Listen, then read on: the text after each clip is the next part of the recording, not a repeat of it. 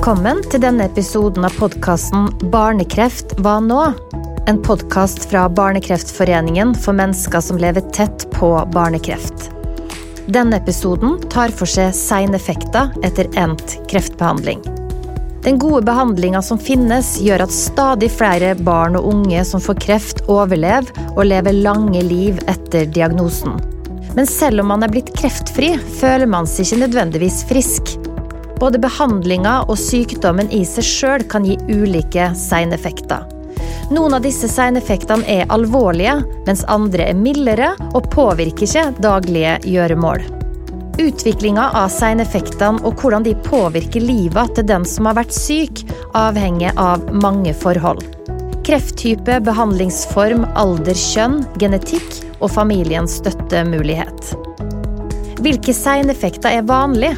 Hvordan påvirker de livet til den som har hatt kreft og familien rundt? Og hvordan kan man lære seg å leve med seineffektene? Det skal vi prøve å finne noen svar på sammen med Ida Marie Nordhaug, som har slitt med sterke seineffekter etter endt kreftbehandling. Vi skal også snakke med Elna Hamilton Larsen, som er barnesykepleier, doktorgradsstipendiat og forsker på ungdom etter endt kreftbehandling.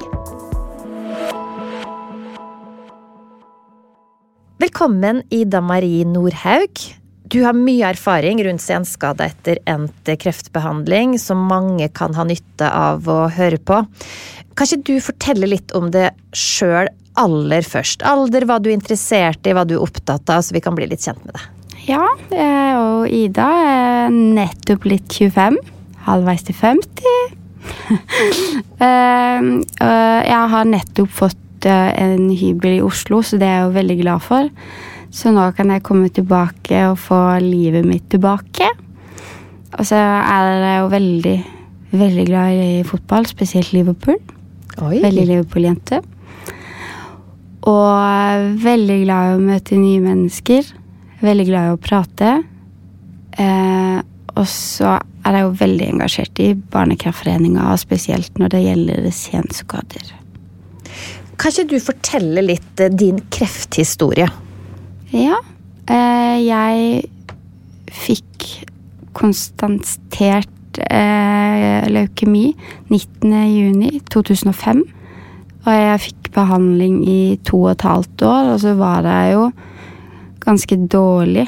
Og reagerte veldig dårlig på eh, cellegifta. Um, og jeg, ble, jeg tok siste cellegifttabletter lille julaften 2007.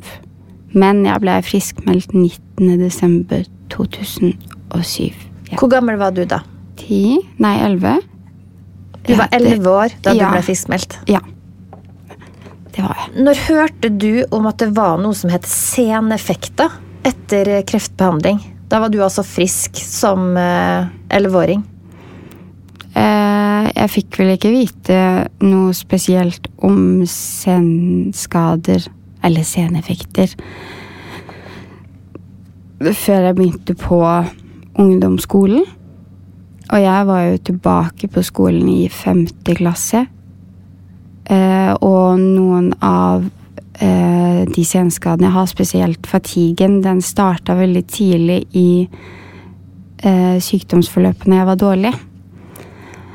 Eh, men det var jo som hvis jeg kom og fortalte om at ja, nå hadde jeg nervesmerter, og nå kjente jeg det og det, ja, men da måtte jeg bare finne en måte å leve med det på. Så det er jo den opp oppfølginga jeg har fått, da. Det høres jo veldig rart ut, men det var det jeg fikk. Det var lite kjennskap og kunnskap om det, rett og slett, Ja. da du hadde endt din kreftbehandling og begynte å kjenne at det var noe som ikke var Ja. helt som det var før behandling. Ja, Men, men da må du fortelle litt, eh, Ida. Hva slags seineffekter eh, har du? Eh, jeg har jo fatigue.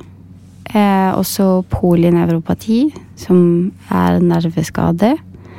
Og så har jeg lavt stoffskifte. Refluks.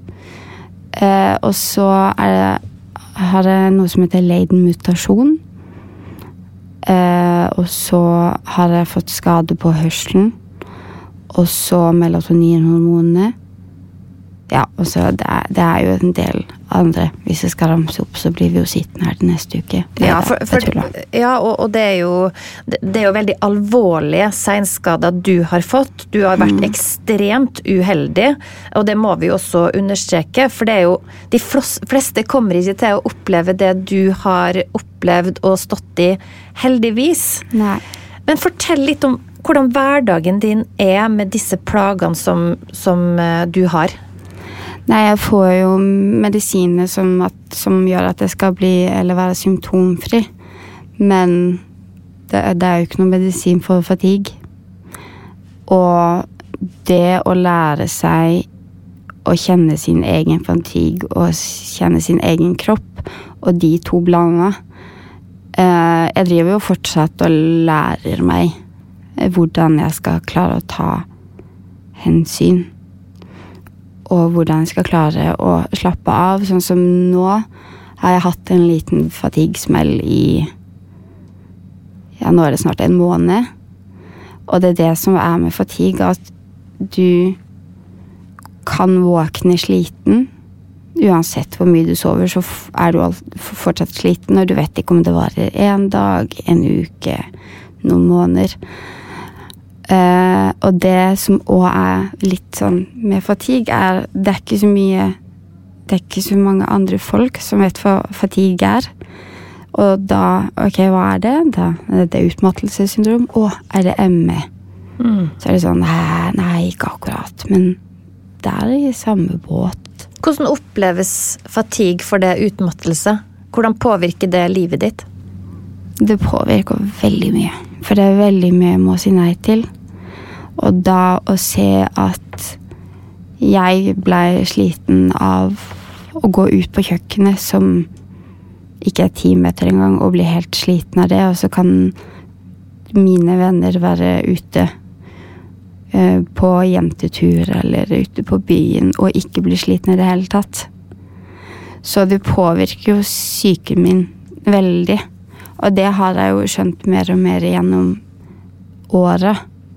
Hvor mye det faktisk har påvirka psyken min. Så jeg har jo veldig lyst å fremme den psykiske helsa og rundt det å, ha, å være syk, men spesielt etter. Fordi at du får jo den 'nå er du kreftfri', nå, nå er du frisk. Men du Ja, du er kreftfri, men det kommer jo flere diagnoser, det kommer flere plager. Og mange av de plagene kan være det varer livet ut, men samtidig så har du jo òg noen som kanskje ikke varer livet ut. Eh, sånn som jeg har noen venninner og venner som har hatt eh, kreft. Og de sine senskader eh, varte mellom fire og syv år. Du er en positiv person, men jeg vet jo at du har mye smerter i hverdagen din. Hvis du skulle si eh, hvor er din smerteskala fra én til ti, hvor, ligger du der? Eh, på syv hver dag. Ja, og, det, og det er ingen variasjon i det? Det er en konstant smerte? Det er konstant på syveren, eh, og den går kun oppover. Men du sier at du har hatt seinskader etter kreftbehandlinga helt siden du var sånn 10-11 år. Ja, fatiguen kom egentlig ganske tidlig i forløpet. Har de forandra seg på noen slags måte på de 15 åra som har gått? Eh, de har egentlig bare blitt verre jo eldre jeg har blitt. Men det har jo òg litt med at jeg har pressa meg litt for mye òg, fordi at jeg Det er jo egentlig ikke sant, men jeg føler jeg må ta igjen den barndommen jeg mista, bare at jeg tar det ut i ungdomsåra og skole og jobb og øh, alt det der. Men altså, hvis jeg hadde For jeg gikk jo på videregående, og det tok jeg over fem år. Uh, og det var kun å klare å fullføre. Uh, og hvis jeg hadde tatt det på tre år som vanlig, så hadde jeg ikke klart første året engang. Uh, men det er jo takket være en rådgiver jeg hadde på videregående, da. Han var der hele tida og hjalp meg med det som måtte hjelpes. Vi har, vi har fortsatt sånn daglige oppdateringer, selv om det er eh, skal vi si 2019. Tre år siden sist jeg så han. Så har, Så vi, sånn, har vi sånn årlige oppdateringer, så det er jo veldig hyggelig. Men du klarte altså det imponerende eh, stykket arbeid, da, og komme deg gjennom videregående til tross for de plagene du har. Eh, Hva med jobb og sånne ting? Hva gjør du i hverdagen din nå? Mm, nå jeg jo Nå gjør jeg jo ingenting, for nå har jeg jo vært eh, Nå har jeg sittet i rullestol pga. funksjonell lammelse i beinet. Og det er kroppen min som sier ifra at nå har du gjort for mye. Og det er veldig ofte mange som får migrene eller vondt i magen og sånn. Men min kropp den er sånn ja, nå blir du lam i venstre bein. Så var jeg på Cato-senteret i fire uker. Fra mm, en eller annen dag i mai til juni. 18. mai. Ja, nå i år? Mm. Eh, og da skjønte jeg det at når jeg skal ut herifra, så skal jeg ikke stresse. Jeg må prøve å, å ikke stresse så mye med jobb, studie, hva fremtida skal bringe. Og ikke drive og planlegge så fælt. Jeg er veldig flink til å planlegge. Og det blir jeg ofte veldig sliten av, så da orker jeg ikke det jeg har planlagt.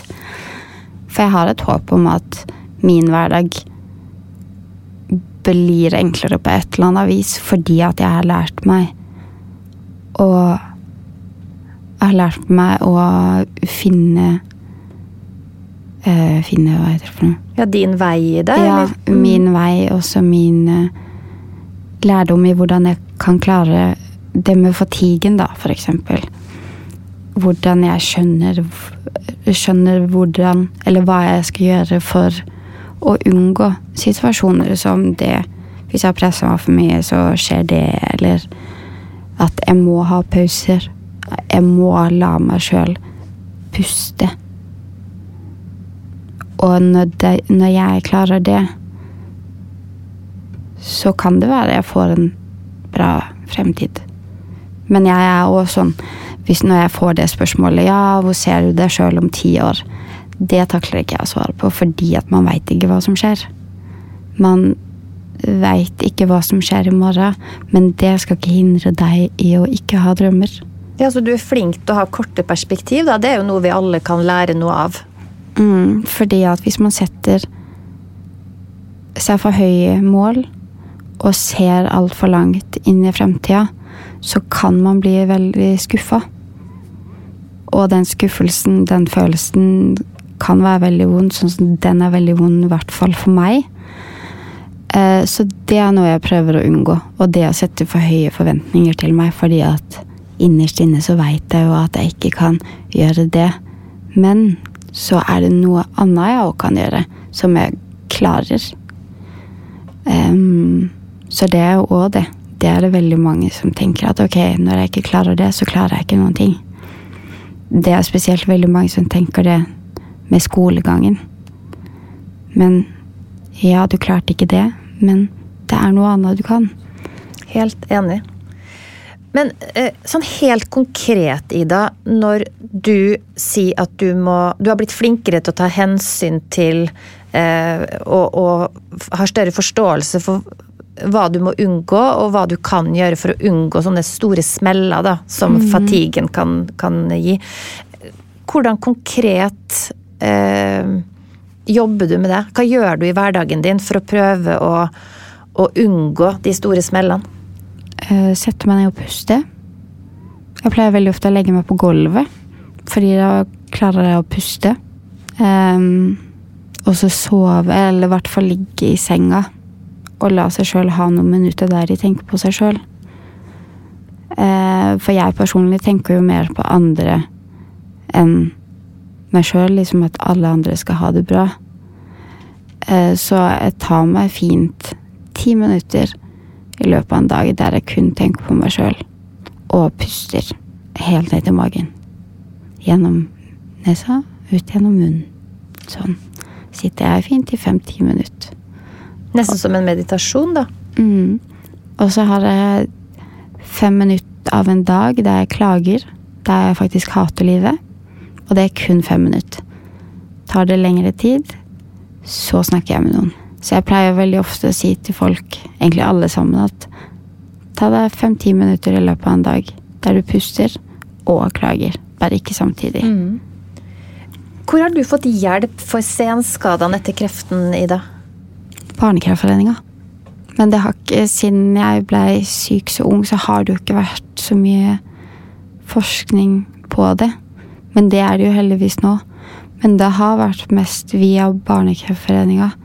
Og så det å møte andre i samme situasjon, det er mye større hjelp enn det folk egentlig tenker.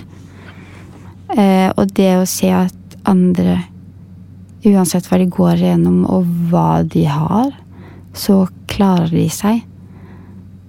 Og det er veldig viktig å tenke på om, i starten òg. Og det å se andre som er friske nå og har senskader, at de faktisk får det til. Uansett. Vil du si at du har et godt liv tross de ganske alvorlige senskadene du har? Ja. Og det har jeg gjort sjøl, med litt hjelp. Men det er jo jeg som tar valga. Det er jeg som velger å gjøre så godt jeg kan for å få et godt liv. Og det er fullt mulig. Det kan ta tid før, det, før du skjønner det. Eller, eller ja, egentlig skjønner det. Men du får det til. Så lenge du vil. Og det er veldig godt. Og jeg får jo veldig energi av å være, være til hjelp for andre, sånn som ferie med mening eller stå på stand. Altså, jeg var jo egentlig dritsliten. Men jeg, jeg skal stå der. Sto der fra klokka 11 til klokka 5. Ja, Du har vært på Arendalsuka, du.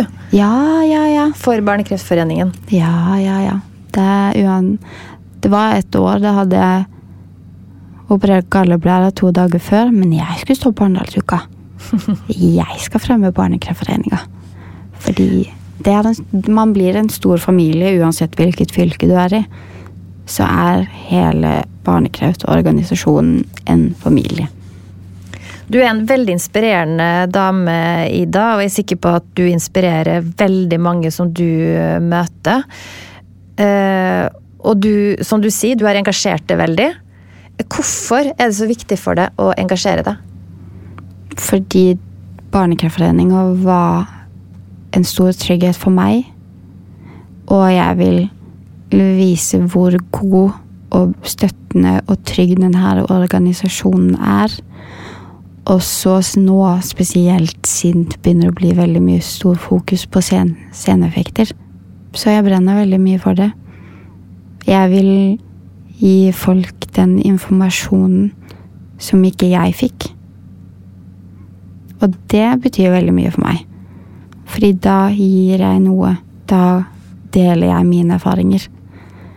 For jeg vil ikke at de som går gjennom noe sånt nå, at de skal oppleve det jeg opplevde med dårlig informasjon og mm, Men den delen kan ikke jeg ta. Men jeg kan dele mine erfaringer og gi de kanskje en trygghet, da. Og at de ser situasjonen på en litt annerledes måte, da. Så det er det jeg gjør. Eller det er det jeg vil. Ja, for du holder foredrag, du, rett og slett? Ja, det gjør jeg òg. Så nå som korona har lagt seg til ro, så kan jeg endelig ut og holde foredrag igjen. Du er en imponerende dame, for du sitter altså der med eh, sju på smerteterskelen. Og er superengasjert. Eh, har masse visjoner for hva du har lyst til å gjøre fremover. Og hvis ikke det gir håp til alle der ute, så veit jeg. Hva vil du si til andre som kommer ut av behandling og merker at ting ikke er som før? Eller de som er i kreftbehandling nå og er bekymra for at det her skal ramme dem? Ikke tenke så mye på fremtida. Tenk på den dagen, liksom den dagen nå, da. Jeg skal tenke på dagen i dag og gjøre det beste ut av den. Og ikke, ikke google ting.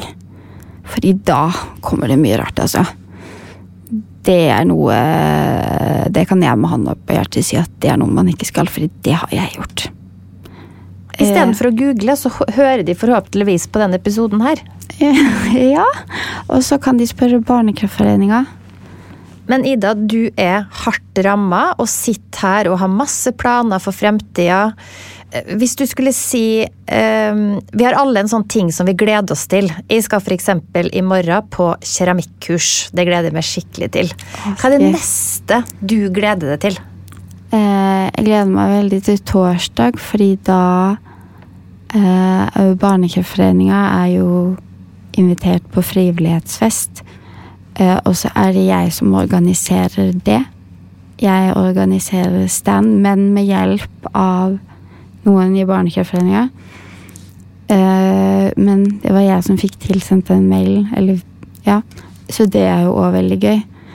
Så da er det jo stand fra klokka tolv til tre. Og så er det frivillighets... Du starter selve frivillighetsfesten fra fire til syv. Eh, og det har ikke jeg kontroll på, for det, det, det, skal ikke jeg gjøre noe med. Jeg skal gjøre, ta med standen og bestille inn ting og henge opp og få med andre ungdommer. Og, så du har, du har fått oppgaven Noen tenker at det er du som er den beste personen til å gjøre det. Det må jo være ja, en god følelse. Det er en veldig god følelse. Eh, og det som òg er litt gøy, da, er jo det at jeg blir kalt joker. Sånn at, eh, av noen i Barnekreftforeninga, sånn at de kan bruke meg til eh, veldig mye. Og jeg sier jo ja med en gang, jeg. Så det er jo ikke noe å tenke på. Det er jo ikke noe spørsmål engang. da gleder jeg meg til keramikkurs i morgen, og du gleder deg til standen, som er mm. ditt ansvar, og frivillighetsfesten. Mm. Det er utrolig gøy å snakke med deg, Ida. Det er sterkt å snakke med deg. Og og det gir også håp til de der ute som akkurat nå bekymrer seg for de tinga her. Mm. Eh, at du med de voldsomme plagene som du har hatt i 15 år, at du kan sitte der med så mye glede og livslyst. Så mm. tusen, tusen hjertelig takk for at du kom hit. Ja, tusen takk for at jeg fikk lov til å komme. Så det, det er best. Det er en fin start på dagen. Vel enig. Veldig god start på dagen for ja. oss to. Ja, det er godt å være enig. det er det beste. Det er bra. Ida har større seineffektskader enn de fleste. Seineffekter kan utarte seg vidt forskjellig fra person til person.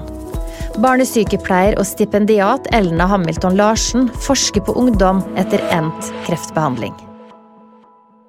Velkommen, Elna Hamilton Larsen, barnesykepleier, stipendiat og forsker på ungdom etter endt kreftbehandling.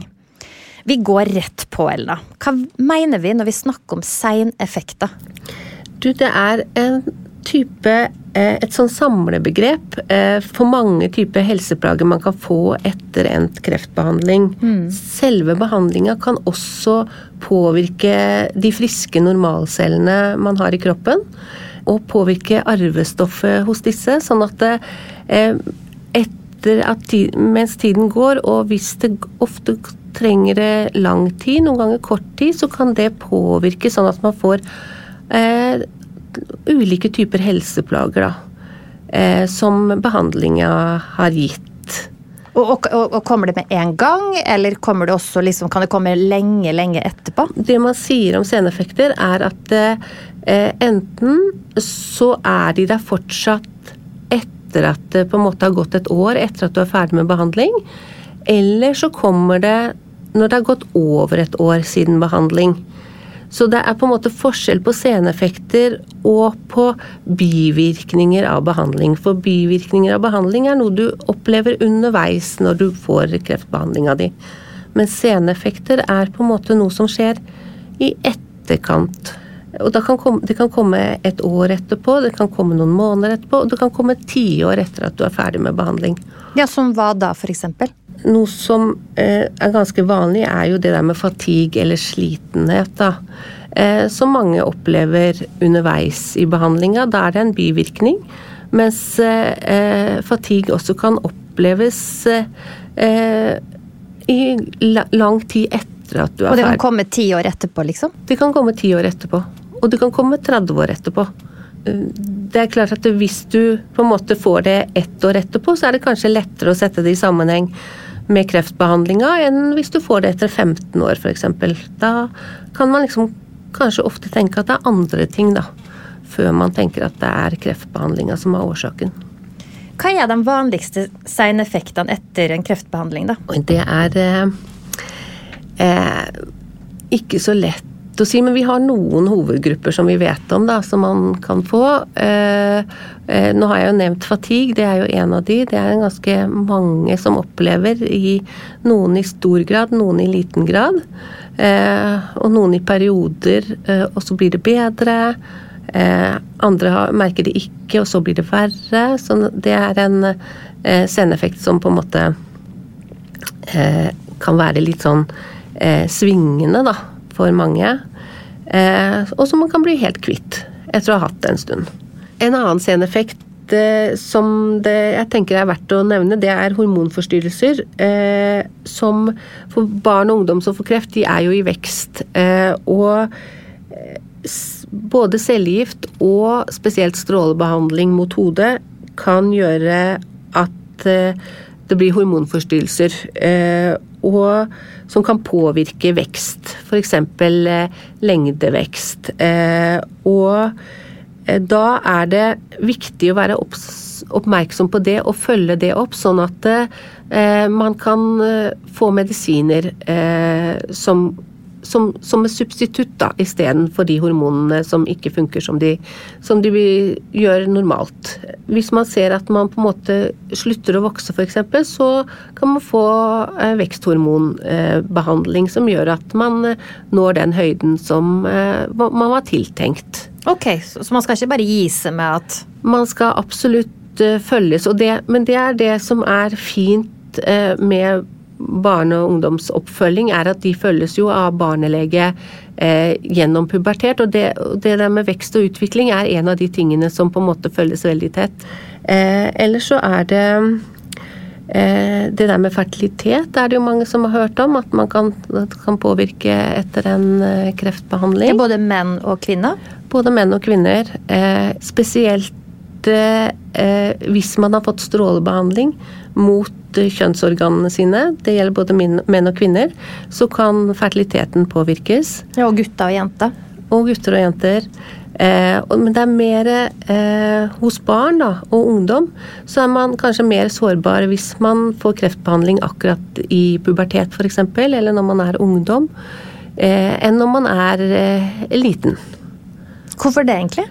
Når man er ungdom og ting utvikles, da, og det er mye hormoner i gang, og det er på en måte mye som skjer i kroppen, så når, selv, når eh, kreftbehandlinga kommer i tillegg, så kan den på en måte eh, stoppe opp pubertet. Da. Ja. Eh, men det som er bra, er at det, mange ikke Selv om de får tøff kreftbehandling, så, så påvirker ikke det, det, det, fertiliteten. Det behøver på en måte ikke å skje sånn at det og gutter og jenter er litt forskjellige, for gutter lager jo sædceller hele livet. Ehm, så de er litt mer ehm, eh, sensible eller lett påvirkelige av kreftbehandling kreftbehandlingen det jenter er. For hos jenter så lages jo eggstokker og livmor lages jo i fosterlivet. Sånn at det er på en måte litt mer robust da, enn sædcelleproduksjonen hos gutta. Men det som er fint hos menn, Eh, som er jo at selv om man tatt en sædprøve og vist at, man ikke, at ikke det er fungerende sædceller nå, så kan det komme tilbake. Så det betyr ikke at man er steril eh, for resten av livet. Det kan eh, svinge. Er det andre seineffekter som, som, er vanlige? Altså Det som er med barn i forhold til voksne, da, er jo at barn eh, skal jo leve lenge etter at de er ferdig behandla for kreft da har på en måte disse sceneeffektene flere år eh, på å utvikle seg. Enn hvis man f.eks. får kreft når man er 70 eller 75-80 år. Så har det kanskje ikke så stor betydning at ting kan skje om 25 år fram i tid.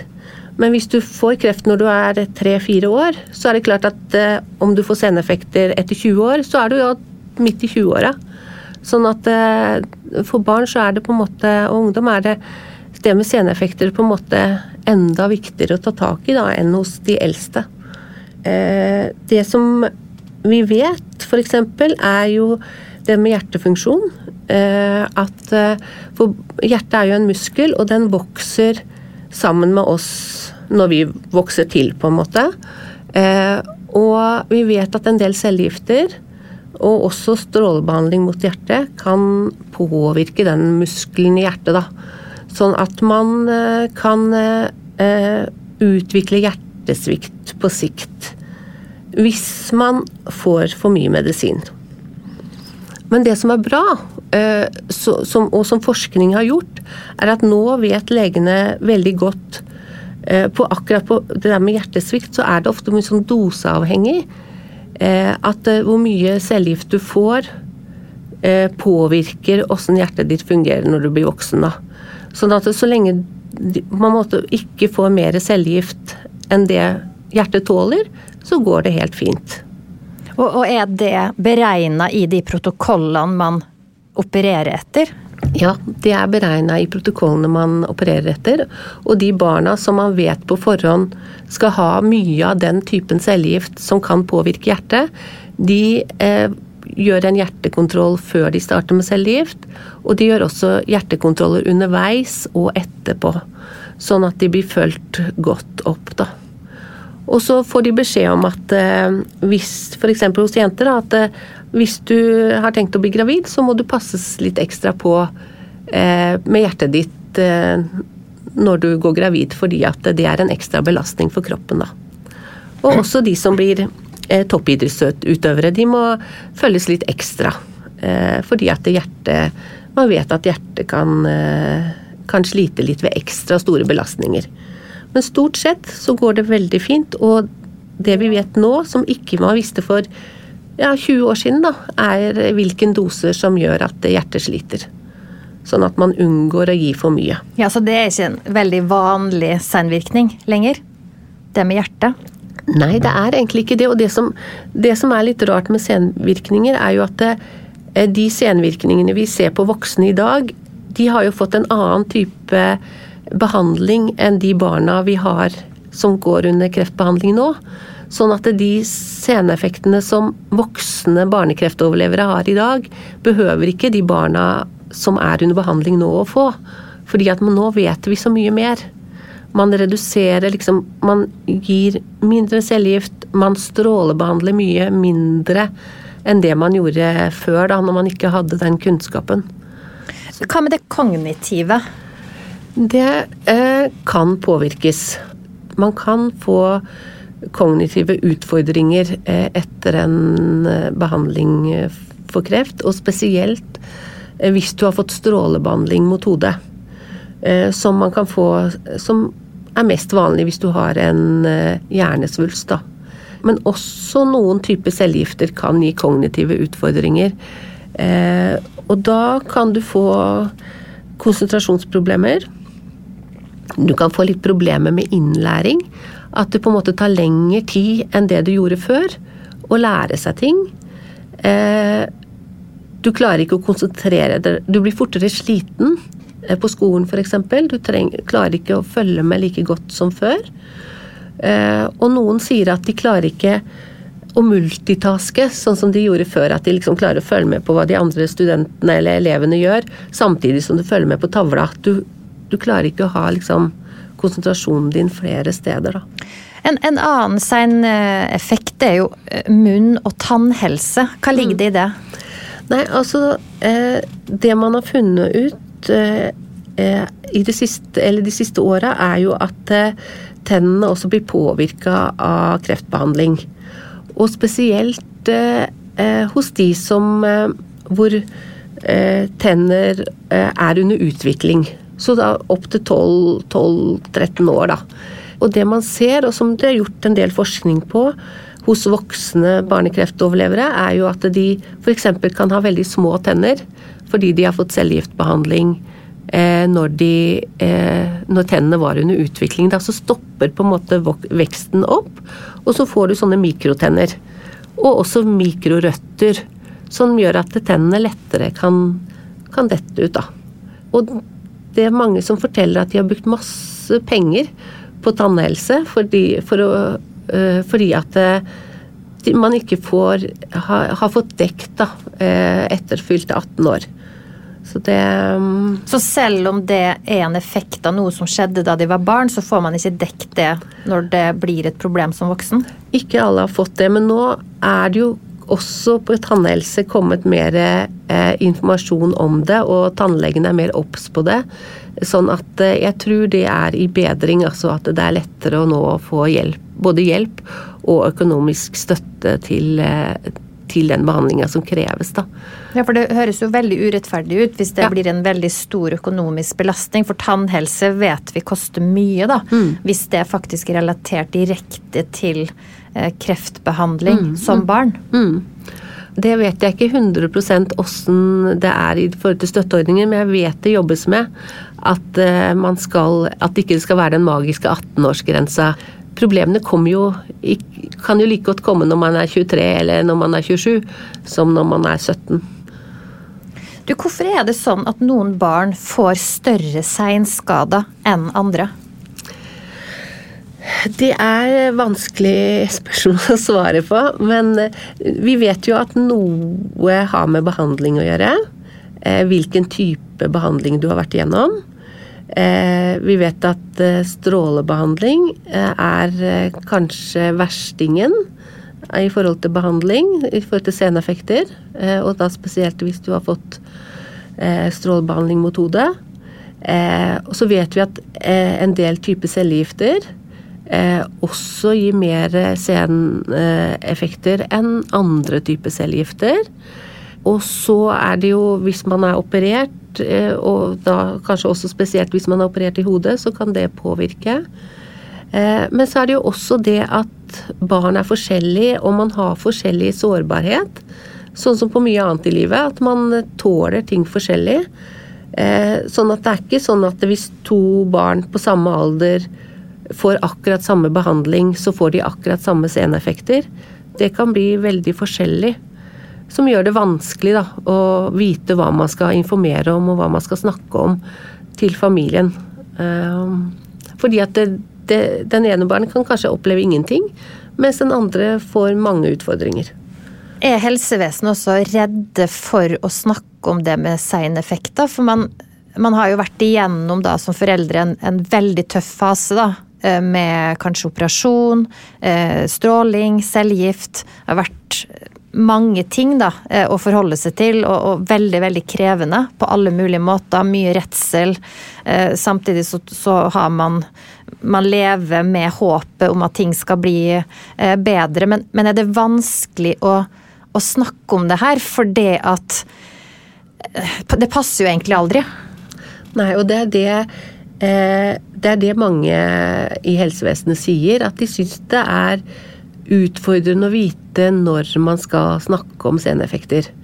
Eh, fordi at eh, underveis i behandlingen så opplever jo mange at de har mer enn nok.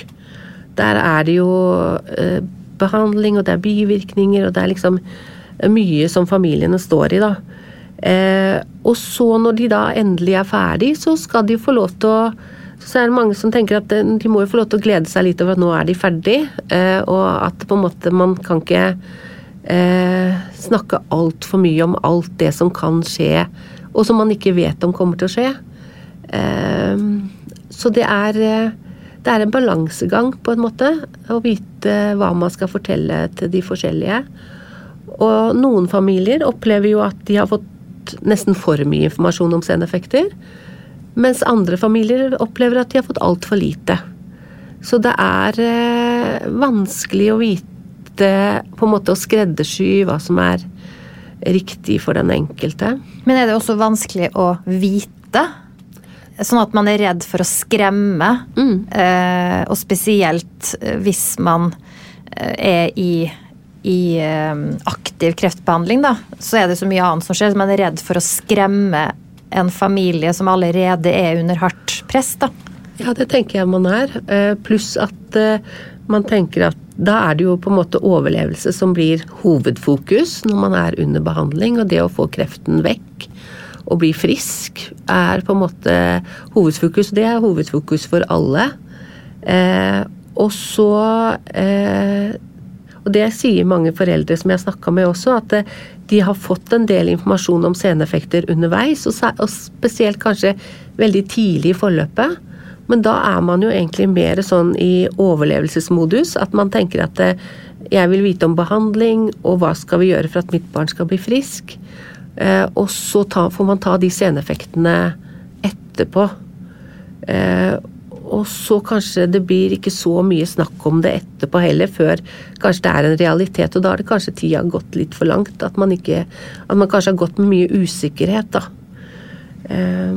og det ungdommene jeg har jo snakka en del med ungdom om dette også, som er ferdig behandla for kreft. Og de, eh, de som har seneffekter, de sier at de vil ha konkret informasjon av ungdommene. De vil vite navnet på hva det er, og de vil vite hvorfor det skjer i kroppen.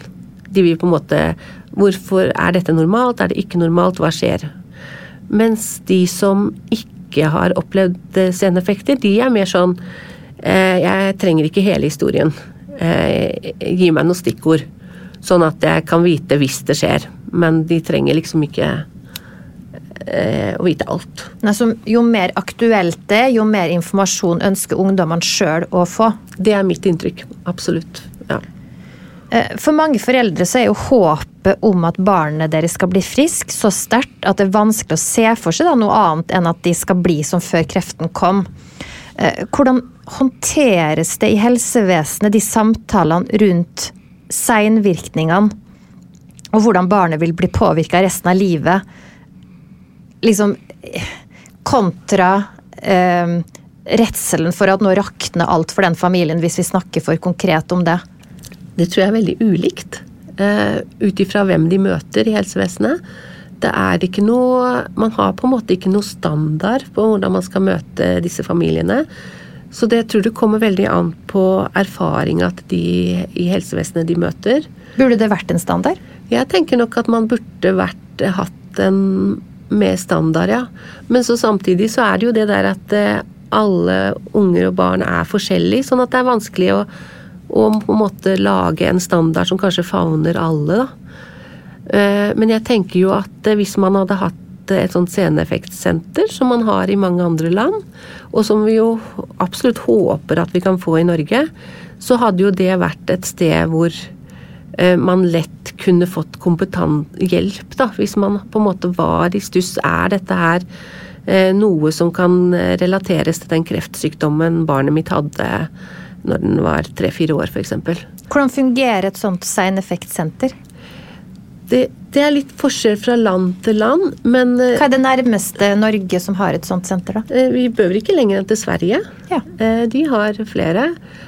Og der Enten så kan man jo da henvende seg dit hvis man har spørsmål, eller komme til en konsultasjon. Eller så kaller de også inn Eller tilbyr at, at de som nå er kanskje ja, midt i 20-åra f.eks., kan komme inn og snakke snakke gjennom det de har vært igjennom når de var barn og unge. Og, og få en, på en måte en slags oppsummering, da. Eh, og en kartlegging i forhold til seneffekter. Som jeg tenker jo er en eh, viktig ting, og man bruker jo veldig mye ressurser under behandling. Eh, så det er jo viktig at man på en måte ikke slipper disse barn og ungdommene når de er ferdig behandla, men at, man, at, de får tilbud om oppfølging Sånn at de kan få veldig gode liv også etterpå, da.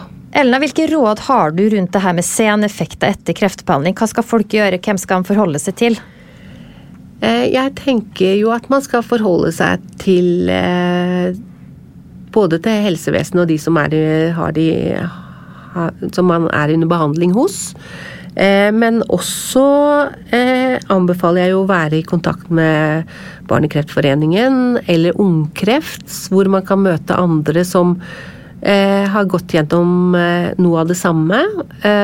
Og for det er noe med å få informasjon av noen som på en måte har opplevd noe tilsvarende det som det du har gjort. Det, det, de kan kanskje gi andre råd og andre erfaringer. og så tenker jeg jo at Dessverre så har vi jo da ikke en seneffektspoliklinikk i, i Norge eh, ennå. Vi håper jo veldig at det snart kommer. Det er på gang. Eh, men jeg tenker at man burde ha et sted eh, hvor man kan søke råd.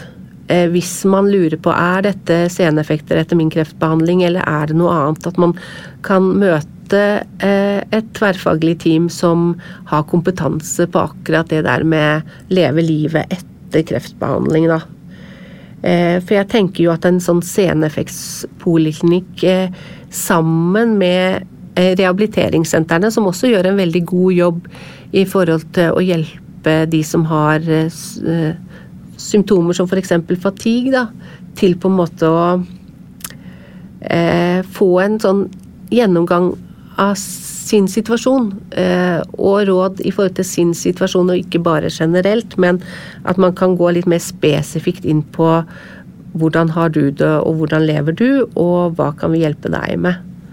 Så Og også, jeg tenker en sånn seneffektspoliklinikk også kunne hatt veldig nytte i forhold til lærere, f.eks. At eh, lærere som har elever i sin klasse som de trenger råd, at man kunne ringe dit og få noen tips. Eh, at eh, kreftkoordinator i kommunen kan ringe til en seneffektsklinikk og få tips. Fastleger kan ringe. At, det, at man burde ha et sted hvor kompetansen var samla, da. Det tror jeg hadde vært veldig nyttig for både barn og ungdom og voksne barnekreftoverlevere, hvis man hadde hatt eh, eh, kompetansen samla. Det høres ut som vi skal heie veldig på det. Ja, vi, jeg heier veldig, syns vi alle skal heie veldig på å få det til i Norge.